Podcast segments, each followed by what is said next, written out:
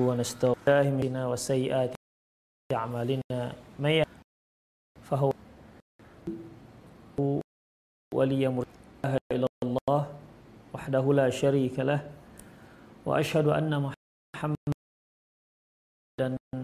عبده ورسوله الذي لا نبي سبحانه يا أيها تقاته إلا وأنت. يا أيها الذين وقولوا قولا سديدا. يصلح لكم أعمالكم ويغفر لكم ذنوبكم ومن يطع الله ورسوله الذي خلق وخلق منها زوجها وماتها وكل محدثة بدعة ضلالة وكل ضلالة في النار معاشر المسلمين dan para pendengar dimanapun anda berada kita kembali melanjutkan kajian kita harian di bahas 10 sunnah-sunnah di bangun tidur kodok gigi berpakaian bersisir dan seterusnya hingga akhirnya kemarin kita telah membahas terkait dengan sunnah-sunnah yang perlu kita perhatikan ketika kita akan keluar rumah agar para pengguna jalan tidak terganggu dengan gangguan-gangguan itu. Apa saja ikhafidin seperti yang kita katakan tadi. Apakah itu batu, apakah itu paku, apakah kayu atau apa pun dia. Ya. Yang bisa uh, merugikan para pengguna jalan. Selanjutnya ikhwah, hadis lain, hadis ini diriwayatkan oleh Imam Bukhari dan Muslim dari Abi Hurairah radhiyallahu anhu, qala Rasulullah sallallahu alaihi wasallam Marra rajulun bi ghasnil syajarah ala dhahri tariq ada seorang kata Rasulullah, ketika dia melintas, dia lihat ada uh, cabang kayu, cabang pohon, ada pohon yang melintas. Ya. Ada pohon yang melintang di jalan. Saya ulangi, ada seorang yang melintas atau seorang berjalan, dia lihat ada kayu yang melintang di jalan. Apakah pohon ya? Atau apalah, apakah ranting pohon yang jatuh ke jalan? Kan biasa tuh kalau kita Misalnya pas ada ketika ada hujan lebat uh, kemudian angin kencang, kemudian pohon-pohon di pinggir jalan itu patah kemudian melintang di tengah jalan. Sehingga membuat orang yang melintas sehingga uh, membuat orang tidak bisa melintas atau minimal terganggu dengan dengan uh, kayu tersebut atau membuat jalan macet gara-gara kayu tersebut misalnya. Kemudian apa yang dilakukan orang ini? Ya, Faqala kata orang ini yang melintas tadi, Wallahi la unhiyanna hadha 'anil muslimin la yu'dhihim demi Allah. Demi Allah. Aku akan singkirkan kayu ini dari jalan. Jangan sampai dia mengganggu para pengguna jalan. Fa'adkhulul jannah. Akhirnya dia masuk surga. Insya Allah. Ikhwah. Ternyata keikhlasan seseorang itu bisa memasukkan dia ke dalam surga. Walaupun dengan amalan yang kita anggap sepele. Benar kata para ulama kita. Rubba amalus sahir tu'azzimhun niyah. Bisa saja amalan kecil tapi dengan niat, ketulusan niat, hanya mengharap ridho dari Allah. Ini amalan menggunung pahala. Warubba amalan kabir tusaghiruhun niyah bisa amalan besar. Haji misalnya ya. Haji itu kan besar. Agung ibadah haji. Dia menjadi kecil gara-gara niat atau bahkan tidak ada tidak ada nilai. Perhatikan ikhwafiddin, orang ini masuk ke dalam surga dikarenakan apa? Dengan ketulusan hatinya dia singkirkan ranting kayu yang mengganggu jalan, yang melintang di jalan. Syok. Makanya ikhafiddin apa kata Ibnu Qayyim rahimahullah? Jangan anggap sepele dengan amalan. Jangan anggap sepele dengan satu amalan. Karena kamu tidak tahu amalan mana yang memasukkan kamu ke dalam. Tak tahu. Makanya lakukan apa yang bisa kita lakukan. Laksanakan apa yang bisa kita laksanakan. Jangan anggap sepele dengan satu. Mungkin Para pemirsa masih ingat Kisah seorang pelacur yang memberi minum seekor seekor anjing yang kehausan. Seorang pelacur dia. Kalau boleh kita katakan ya sampahnya masyarakat lah itu. Kemudian hewan yang diberi minum anjing. Najis besar. Di mana air liurnya itu kalau mengenai bejana kita dicuci sampai tujuh kali. Ulahun nabi turab. Yang salah satunya dengan dengan tanah. Itu anjing. Jadi yang memberikan minum seorang pelacur yang diberi minum seekor anjing. Tapi ternyata dengan ketulusan dia Allah masukkan dia ke dalam surga si wanita pelacur.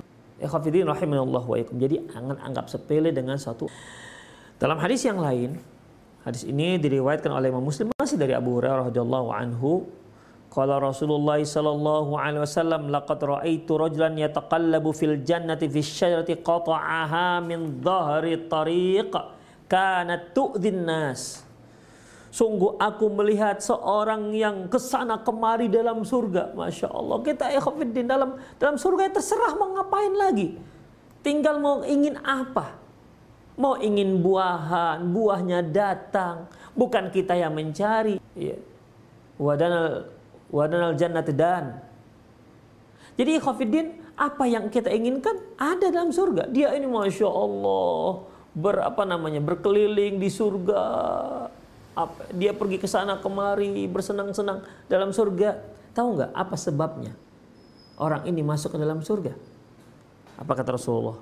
Itu dikarenakan dia pernah memotong memotong pohon yang melintang jadi pohonnya tumbang, melintang di jalan sehingga mengganggu orang yang lewat. Dia inilah yang motong pohon tersebut ya dan menyingkirkannya dari tengah jalan. Insya Allah satu amalan yang mungkin banyak orang menganggap sepele. Ikhafidin, para pemirsa di mana pun anda berada, cobalah ya, cobalah ketika kita melintas satu jalan. Ya semua kita saya kira hampir setiap hari lah kita menempuh sebuah perjalanan. Ya perjalanan pendek atau perjalanan panjang. Mungkin kita ketika itu berjalan ke kedai. Ke kedai ya mungkin hanya mau beli gula. Kita lihat di jalan ada paku singkirkanlah ikhwafiddin. Singkirkanlah. Itu menunjukkan keimanan kita. Kita lihat ada batu. Yang dalam pikiran kita ini batu. Kalau dibiarkan ini akan membuat celaka udah singkirkan. Apalagi misalnya, ya kita lihat ada duri misalnya, wah ini duri, ada duri kelapa sawit misalnya, atau duri pohon salak itu kan apa namanya uh, besar-besar tuh duri. Ini kalau terpijak seorang muslim bisa melukai kakinya, singkirkan. Masya Allah. Semoga semoga antum, semoga kita yang melakukannya Allah masukkan ke dalam surga. Masya. Itulah yang pertama yang perlu kita perhatikan, menyingkirkan gangguan apa saja dari dari jalan sehingga tidak mengganggu para pengguna. Yang kedua, ikhafidin. Ya, yang kedua, tadi kan dengan mengganggu. Rasulullah Shallallahu Alaihi Wasallam pernah bersabda, hadis ini diriwayatkan oleh Imam radhiyallahu anhu. Apa kata beliau? Ittaqul la'inain. Takutlah kalian dengan dua hal yang terlaknat Dua hal yang dilaknat bagi siapa yang melakukan hal ini dilaknat oleh Allah Subhanahu wa taala. Apa itu? Alladhi yatakhalla fi tariqin nas au fi dhillihim. Yaitu mereka yang kodoh hajat di jalan umum dan yang kodoh hajat di tempat orang-orang tempat teduhan orang-orang. Ikhwah, kalau sudah Rasulullah mengatakan dilaknat itu tandanya dosa besar. Bukan dosa kecil. Dijauhkan dari rahmat Allah Subhanahu wa taala. Jadi mereka yang melakukan kodoh hajat, buang hajat di jalan. Masya Allah minta. Coba bayangkan, kita melintas jalan. Eh, di pinggir jalan ada seonggok kotoran manusia. Apa yang ada dalam yang sedang berkecamuk dalam pikiran kita. Tentu kita mengutuk ini orang, ini orang kurang ajar, ini orang kenapa? Oh begitu. kita bisa meng, apa namanya uh, me, apa ya namanya ya mengutuk orang ini kok bisa-bisanya buang hajat di sini itu ikhafidin atau mungkin ada yang nggak buang hajat langsung sih dia buang hajat di plastik dibuang di tengah jalan atau pempes anaknya dibuang tengah jalan. Astagfirullah terlaknat ini orang. Terlaknat. Cobalah pikir seandainya ada orang yang buang hajat tengah jalan atau dia yang melakukan hajat kodo hajat langsung tengah jalan atau di pinggir jalan yang penting di jalan. Lantas ketika dia jalan ter ya ngobrol begitu sambil lihat orang lewat ya kata Rasulullah kumat turukot jangan kalian nongkrong di pinggir-pinggir jalan. Kalau malah nabudun ya Rasulullah hiya majalisuna natahaddatsu fiha. Ya Rasulullah nggak bisa ya Rasulullah. Ya kami nggak bisa ninggalkan itu itu tempat kami bertemu tempat kami ngobrol.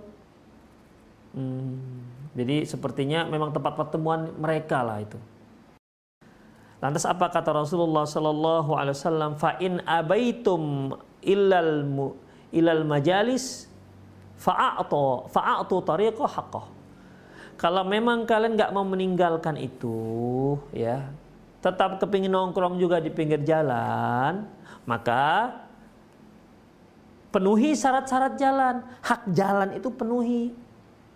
Kalau wa ma haqquha ya Rasulullah. Ya Rasulullah, apa apa hak-hak jalan itu? Biar kami bisa memenuhinya, ya. Sebab kalau udah hak namanya berarti kan kewajiban. Kalau kita tidak memenuhi hak berarti kita kita berdosa. Makanya Ternyata jalan pun punya hak yang harus kita tunaikan. Kalau memang kalian bersuka ataupun tidak bisa meninggalkan nongkrong di pinggir jalan, ya, jadi lakukan, laksanakan hak jalan itu sendiri. Kalau wa ma ya Rasulullah? Apa hak itu ya Rasulullah? Apa kata beliau? Ghaddul basar. Tundukkan pandangan. Satu. Dua kaful ada. Jangan ganggu orang. Kan ada sebagian orang nongkrong di pinggir jalan, orang lewat, eh malah dilempari mercon. Ya, apalagi nantilah pos mau dekat-dekat id. Dilempari mercon supaya orang terkejut. Terkejut yang pengguna jalan malah ketawa tercikik-cikik. Ikhwah. Coba. Bahagia di atas penderitaan orang lain. Bahagia di atas ketakutan, keterkejutan orang lain. Ini haram hukumnya. Ya, haram hukumnya. Atau mereka melakukan frank kalau sekarang itu. Frank apa frank nggak tahu saya itu. Demikian, hanya untuk tertawa-tertawa, mengejutkan orang, apalah namanya. Ikhwah itu haram, hukumnya haram, haram, haram. Tak dibolehkan. Jangan, jangan mengganggu orang. Kaful ada. Termasuk juga anak-anak muda, ada yang lewat, cewek lewat misalnya, atau akhwat lewat, diganggu, di mana di diganggu, mengganggu pengguna jalan, nggak boleh haram hukum. Ya, apa saja yang mengganggu orang melintas itu haram hukumnya, apa saja. Jadi tadi malah syarat jalan yaitu nundukkan pandangan, kemudian jangan mengganggu orang yang melintas. Jangan sampai orang yang melintas nggak nyaman gara-gara kita nongkrong di situ. Ikhwah, Bukankah banyak terjadi ya anak-anak gadis ataupun anak uh, kaum wanita mereka ingin melintas jalan tersebut tapi gara-gara banyak anak muda nongkrong di situ yang mereka nggak nyaman kalau melintas di depan mereka di depan anak-anak muda ini itu kan tandanya mengganggu sudah ini jalan umum gara-gara anda nongkrong di situ bersama bersama kru anda bersama konco-konco anda Gak nyaman orang lewat. Berarti Anda tidak memberikan hak jalan. Makanya hati-hati. Ya. Hati-hati. Kalau sampai kita ngumpul di pinggir jalan membuat orang yang melintas nggak nggak nyaman dengan kita di situ, maka kita nggak boleh di situ. Karena hak jalan jangan mengganggu orang yang. Kemudian yang ketiga, radus salam. Menjawab salam. Ya, karena mereka yang duduk yang melintas itu jalan umumnya kan yang melintas yang yang berjalan mengucapkan salam kepada orang yang duduk ya balas salam orang. Pada zaman Rasulullah kan selalunya mereka absus salam di antara mereka. Selalu ketemu assalamualaikum, assalamualaikum, assalamualaikum. Ini orang nongkrong di pinggir jalan. Di jalan tentu banyak orang yang melintas. Itu sahabat melintas. Setiap kali melintas satu orang assalamualaikum. Dua. Mungkin dalam satu satu menit itulah berapa orang yang mengucapkan salam karena mereka melaksanakan sunnah Rasulullah SAW. Jadi bagaimana? Jangan bosan menjawab salam. Alah, sis, jawab saja pun dari tadi. Jangan. Nah kalau sekarang mungkin lah ya kan. Satu-satu orang mengucapkan salam. Tapi zaman sahabat, setiap yang melintas. Setiap yang melintas mengucapkan salam. Dalam satu menit, ada 10 orang yang melintas. Iya mereka wajib menjawab salam. Jangan malas, jangan aduh capek dah. Kalau capek, letih menjawab salam, jangan nongkrong di pinggir jalan. Cari tempat lain. Nongkrong di rumah Anda. Begitu ikhwatiddin. Ya. Jadi jangan merasa capek menjawab salam. Ah, raddus salam. Ya, raddus salam. Jawab salam. Wal amru bil ma'ruf. Amar ma'ruf. Wan nahi 'anil munkar dan melarang kemungkaran. Jadi kalau ada orang yang nongkrong di pinggir jalan nih, ada mbak-mbak lewat pakai rok mini misalnya, eh, itu harus ada satu orang ngasih tahu, mbak, nggak boleh loh mbak, maaf ya mbak, ini ini nggak boleh, ini berdosa, ini aurat, harus ada, nggak bisa lewat gitu aja. Ya. Sanggup nggak Anda? Wahai para orang-orang yang hobi nongkrong di pinggir jalan, sanggupkah melaksanakan hak ini? Kalau nggak sanggup, silahkan beranjak dari sana. Ustadz tempatnya kozi, mau kozi sebagai apa pun, ya, ya, nggak boleh nongkrong di situ kalau kita nggak sanggup melaksanakan haknya. Apa tadi haknya? Tundukkan pandangan, kemudian kaful ada, jangan ganggu orang lewat, raddus salam yaitu menjawab salam, amar ma'ruf, menyuruh berbuat ma'ruf dan melarang ke kemungkaran. Ada lima. Itu haknya. Jadi silakan. Yang memang kepengen mereka hobinya nongkrong di pinggir jalan, silakan. Silakan tapi laksanakan hak ini. Ini hak. Kalau seandainya tidak tidak sanggup, silakan cari tempat nongkrong yang lain.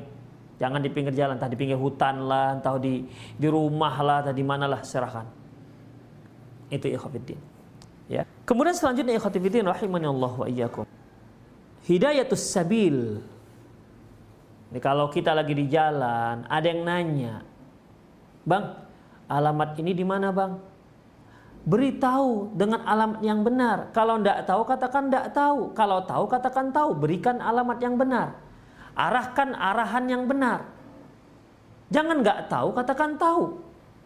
Ya mungkin salah seorang kita, salah seorang pemirsa pernahlah mengalami disesatkan oleh orang yang menuju jalan.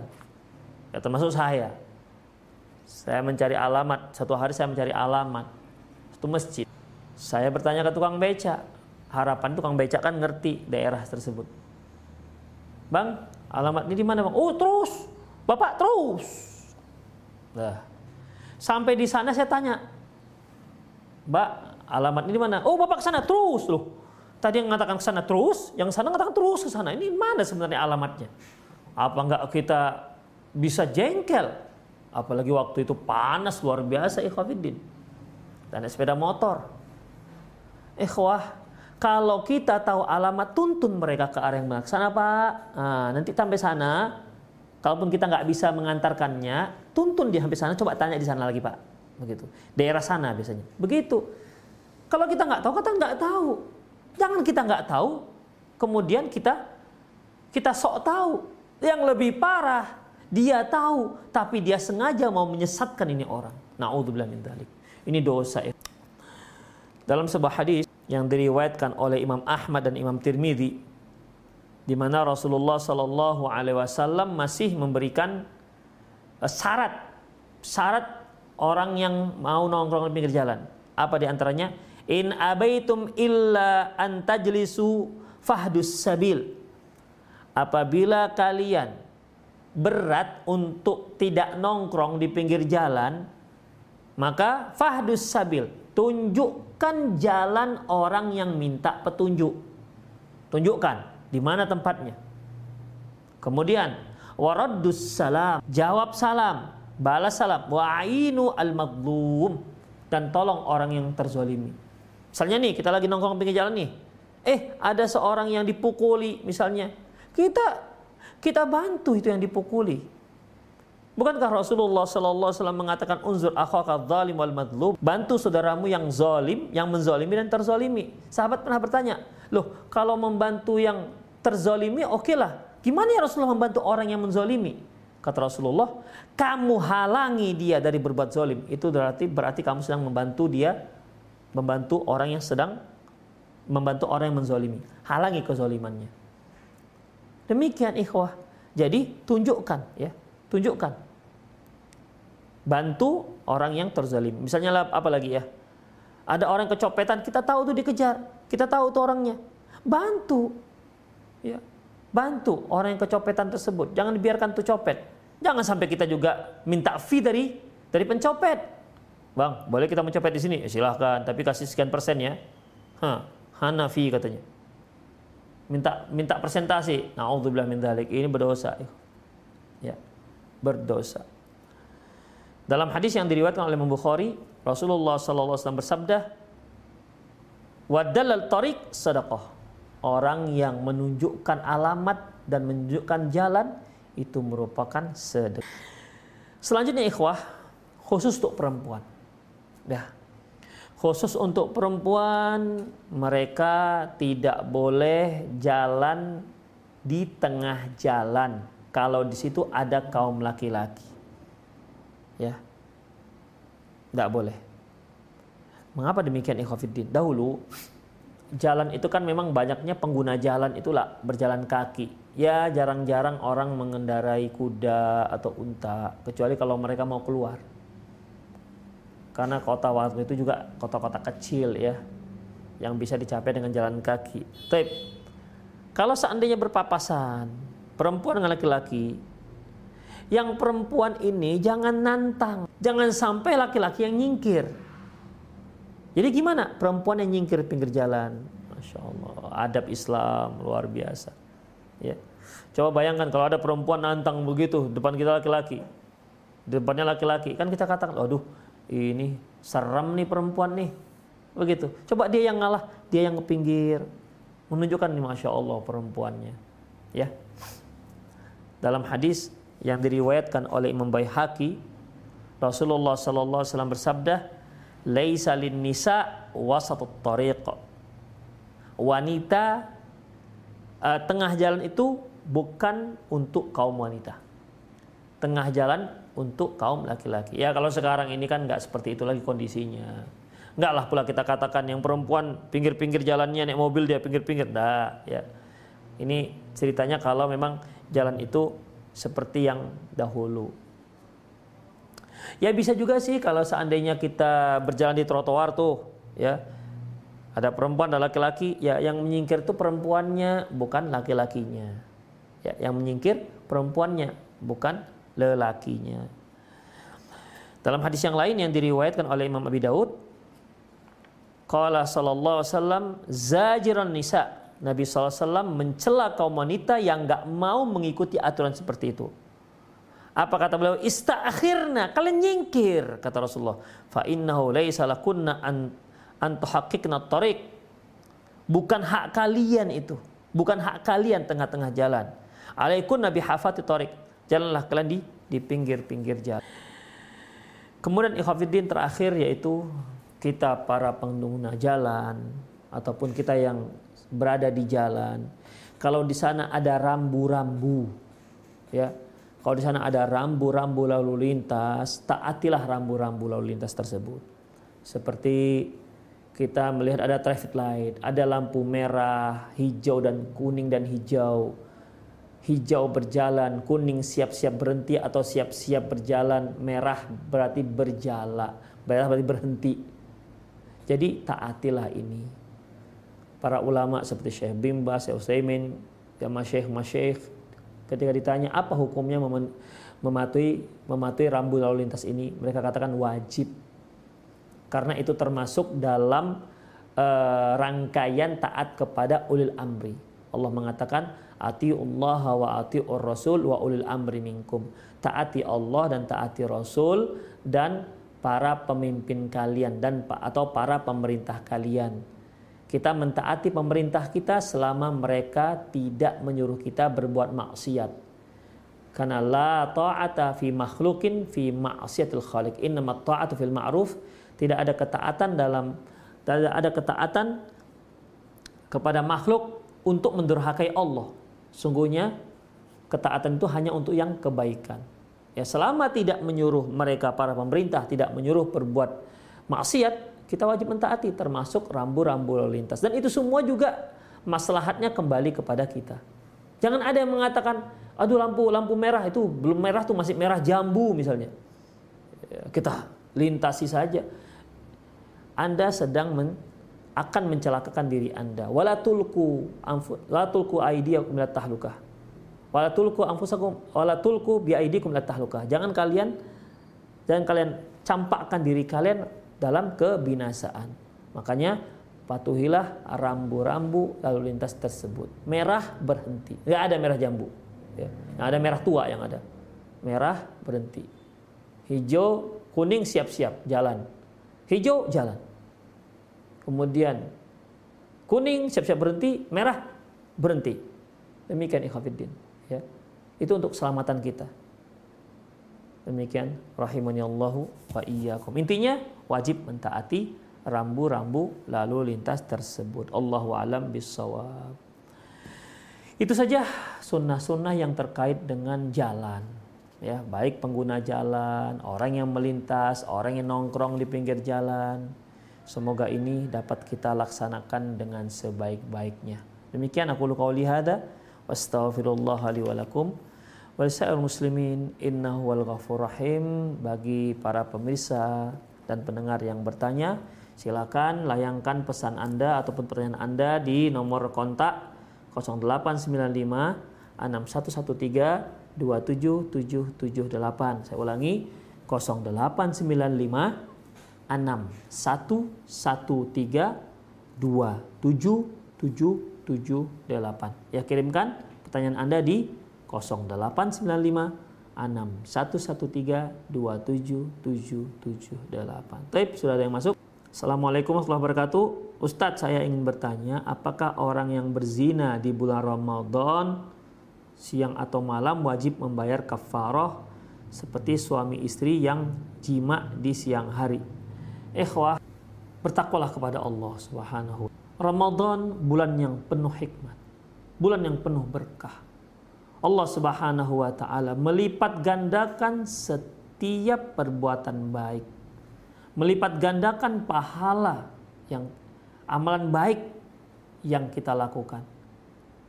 Berarti jangan malah kita kebalikannya. Kita malah buat dosa. Di saat setan-setan sedang belenggu di Rasulullah bulan yang penuh berkah. Faradallahu faradallahu alaikum siyamahu. Allah wajib. Futihat fihi abwabul jannah wa ghulliqat fihi abwabun nar. Ditutupnya pintu, dibukanya pintu. Tufidati syayatin. Dibelenggunya setan-setan.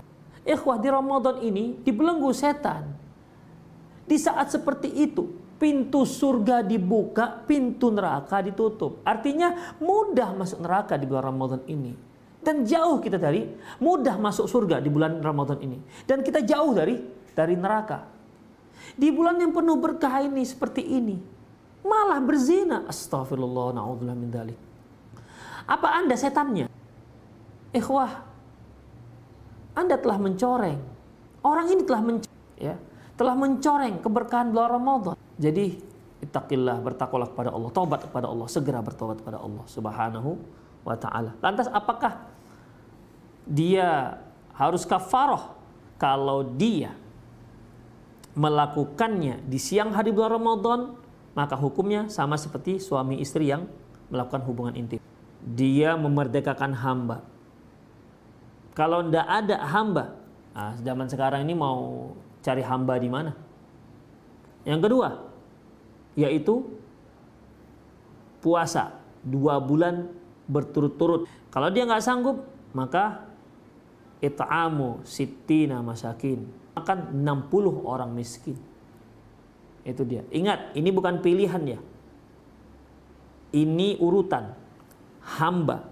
Merdekakan hamba. Gak ada hamba, baru kita masuk ke ke puasa dua bulan berturut-turut. Ya. Kalau memang sudah nggak sanggup berpuasa dua bulan berturut-turut, maka dia beri makan fakir miskin sebanyak 60 orang. Demikian ikhwafiddin. Ya. Dia juga harus melakukan kafarnya. Tapi kalau seandainya dia lakukan naudzubillah dia berzina di malam hari Ramadan, maka dia nggak kafaroh. Tapi ingat, kalau ada hukum Islam tegak jika si pelakunya ini yang sudah berumah hukum rajam sampai mati, di, ditanam uh, badannya hingga setengah, tutup kepala, dilempar sampai mati. Itu kalau sudah berumah tangga, laki perempuan sama. Kalau dia belum berumah tangga, masih lajang atau masih gadis, maka dia cambuk 100 kali. Cambuknya bukan cambuk satu, dua, bukan begitu. Dicambuk betul. Ya, makanya ada yang meninggal setelah dicambuk 100 kali, ikhwah. Ya. Jadi oleh karena itu, kalau yang terkait dengan masalah kafaroh, ya, kalau dia lakukan itu di siang hari, maka dia wajib kafaroh. Tapi kalau dia melakukan di malam hari maka tidak ada kafaroh bagi dia. Allahu a'lam. Assalamualaikum Ustaz, pertanyaan dari sahabat Sabda TV. Bismillah, gimana hukumnya bila istri lebih mementingkan anaknya dan melupakan tanggung jawabnya sebagai istri terhadap suami? Contoh tidak melayani masalah ranjang barakallahu fik. Ikhwah dalam masalah ini nggak bisa jawabannya iya atau tidak gimana atau gimana Gak begitu. Perhatikan ikhwan. Seorang laki-laki memang ditetapkan Allah Subhanahu wa taala sebagai pemimpin. Ar-rijalu qawwamuna 'alan nis. Laki-laki pemimpin bagi kaum wanita. Rasulullah SAW mengatakan, apabila seorang suami mengajak istrinya diranjang dan istrinya nggak mau, kemudian suaminya marah, maka si istri dilaknat malaikat sampai subuh. Betul. Apabila si suami mengajak istrinya untuk hubungan intim, padahal istrinya sedang sedang berada di tanur, sedang buat roti, eh, kalau kita sedang masak goreng, maka harus segera matikan kompor, segera penuhi ajakan suami. Itu dia. Tetapi ikhafiddin, ya pelaksanaannya tidak tidak saklek seperti itu. Kita harus paham istri kita itu bagaimana. Ya. Ketika istri kita sedang melayani anaknya yang sedang nangis, di situ pula kita minta layani. Astagfirullah. Seorang suami harus paham gimana kondisi sang, sang istri. Memang kita, kita sebagai pemimpin, tapi kita juga harus paham dengan istri kita. Harus paham. Kita punya hak, tapi ingat, bukankah Rasulullah Shallallahu Alaihi Wasallam mengatakan khairukum khairun li ahli. Sebaik-baik kalian yaitu orang yang terbaik untuk istrinya. Wa ana khairukum li ahli. Dan aku adalah orang yang terbaik untuk istriku. Artinya standar di antara standar penilaian seorang itu baik dan tidak baik adalah apa? Ikhwafiddin, yaitu yaitu bagaimana sikap dia terhadap istrinya. Baik dia terhadap istrinya, bagus muamalah dengan istrinya, perhatian dia. Maka orang seperti ini orang yang terbaik. Demikian ikhwah. Jadi dalam masalah ini, masalahnya bukan boleh nggak boleh. Perhatikan, dalam praktiknya kita lihat istri kita yang sibuk. Ketika itu dia sedang menggoreng ini kalau nggak gimana untuk untuk sarapan kita. Kemudian kita kata, eh sini kalau sini kalau aku mau kepingin dulu. Apakah seperti itu selesai? Ikhwah tidak. Ya, memang bagi si istri, bagi istri ya wajib dia kalau sudah dia dipanggil oleh suaminya. Tapi suami harus pengertian dengan kondisi sang istri. Harus paham dia ikhwah. Istri sedang cebokin anaknya, sedang ganti popok anaknya, atau sedang bobokkan anaknya. Si suami maksa, kau pilih dia atau aku. Astagfirullah. Ini bukan pilihan. Ya, ini bukan pilihan. Coba Rasulullah Shallallahu Alaihi Wasallam apa kata Aisyah ketika ditanya apa yang dilakukan Rasulullah ketika beliau di rumah? Apa kata Aisyah? Karena fi mihnati ahli. Dia membantu kerjaan istrinya. Memang masak bukan tugas kita. Nyapu rumah bukan tugas kita. Tugas istri. Tapi orang yang suami yang terbaik, dia bantu itu. Ya. Tugas istri itu bukan bukan bukan masalah yang ringan. Istri juga punya tugas yang berat, ikhwah fitin. Makanya ikhwah, makanya ketika suami itu sebagai kawam, pemimpin. Maka yang harus perhatikan pertama apa? Yaitu at-tarbiyah. Dia mendidik. Seorang pendidik harus memberikan contoh yang baik kepada yang dididik. Kemudian apalagi ikhwafiddin? Uh, at-tarbiyah kemudian al-himayah, perlindungan. Terutama dia harus melindungi istrinya dari melindungi istrinya dari api neraka. Di samping dari hal-hal yang lain yang memudaratkan. Yang ketiga, ar-riayah, perhatian. Perhatian. Rasulullah SAW ketika berangkat dengan istrinya ke Mekah untuk melakukan haji, di tengah jalan Aisyah radhiyallahu anha menangis. Rasulullah tanpa tanya langsung sudah faham. Ahid anufisti anti, kamu sedang haid ya. Padahal Aisyah belum bicara sedikit pun, hanya nangis. Begitu seharusnya seorang istri, dia begitu seharusnya seorang suami, dia mengetahui kondisi istrinya. Jadi dalam masalah ini bukan masalah boleh nggak boleh, bukan begitu ikhwah. Perhatikan, ya memang kalau dari sisi sang istri, ya ketika suaminya mengajak segeralah, segera ya, segera. Tapi bagi sang suami, ketika dia ngajak istrinya, lihatlah kondisi si istri, lihatlah dia sedang repot apa tidak. Anak lima kecil-kecil, sedang ngurus anak, yang ini kasih makan, yang sini lari, yang ini suami main main HP. Astagfirullah. Ya. Jadi cara hukum asal iya memang sang istri wajib melayani suami. Tapi suami kalau dia menjadi seorang suami, ingin menjadi seorang suami yang standarnya tinggi, orang yang terbaik, maka perhatikan juga bagaimana kondisi sang istri pada saat itu. Kira-kira layak nggak kita ajak mereka untuk berhubungan intim dengan kondisi seperti itu. Demikian ikhwatiddin, waktu kita sudah melewati ya, semoga apa yang Allah Subhanahu apa yang telah kita sampaikan bermanfaat. Ada beberapa pertanyaan nih, uh, nantilah ya mungkin pada kesempatan lain.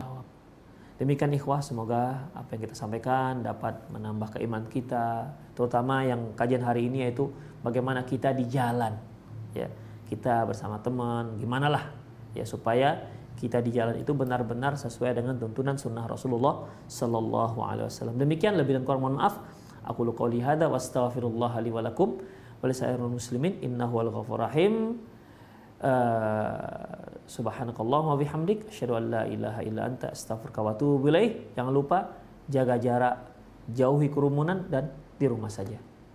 Assalamualaikum warahmatullahi wabarakatuh.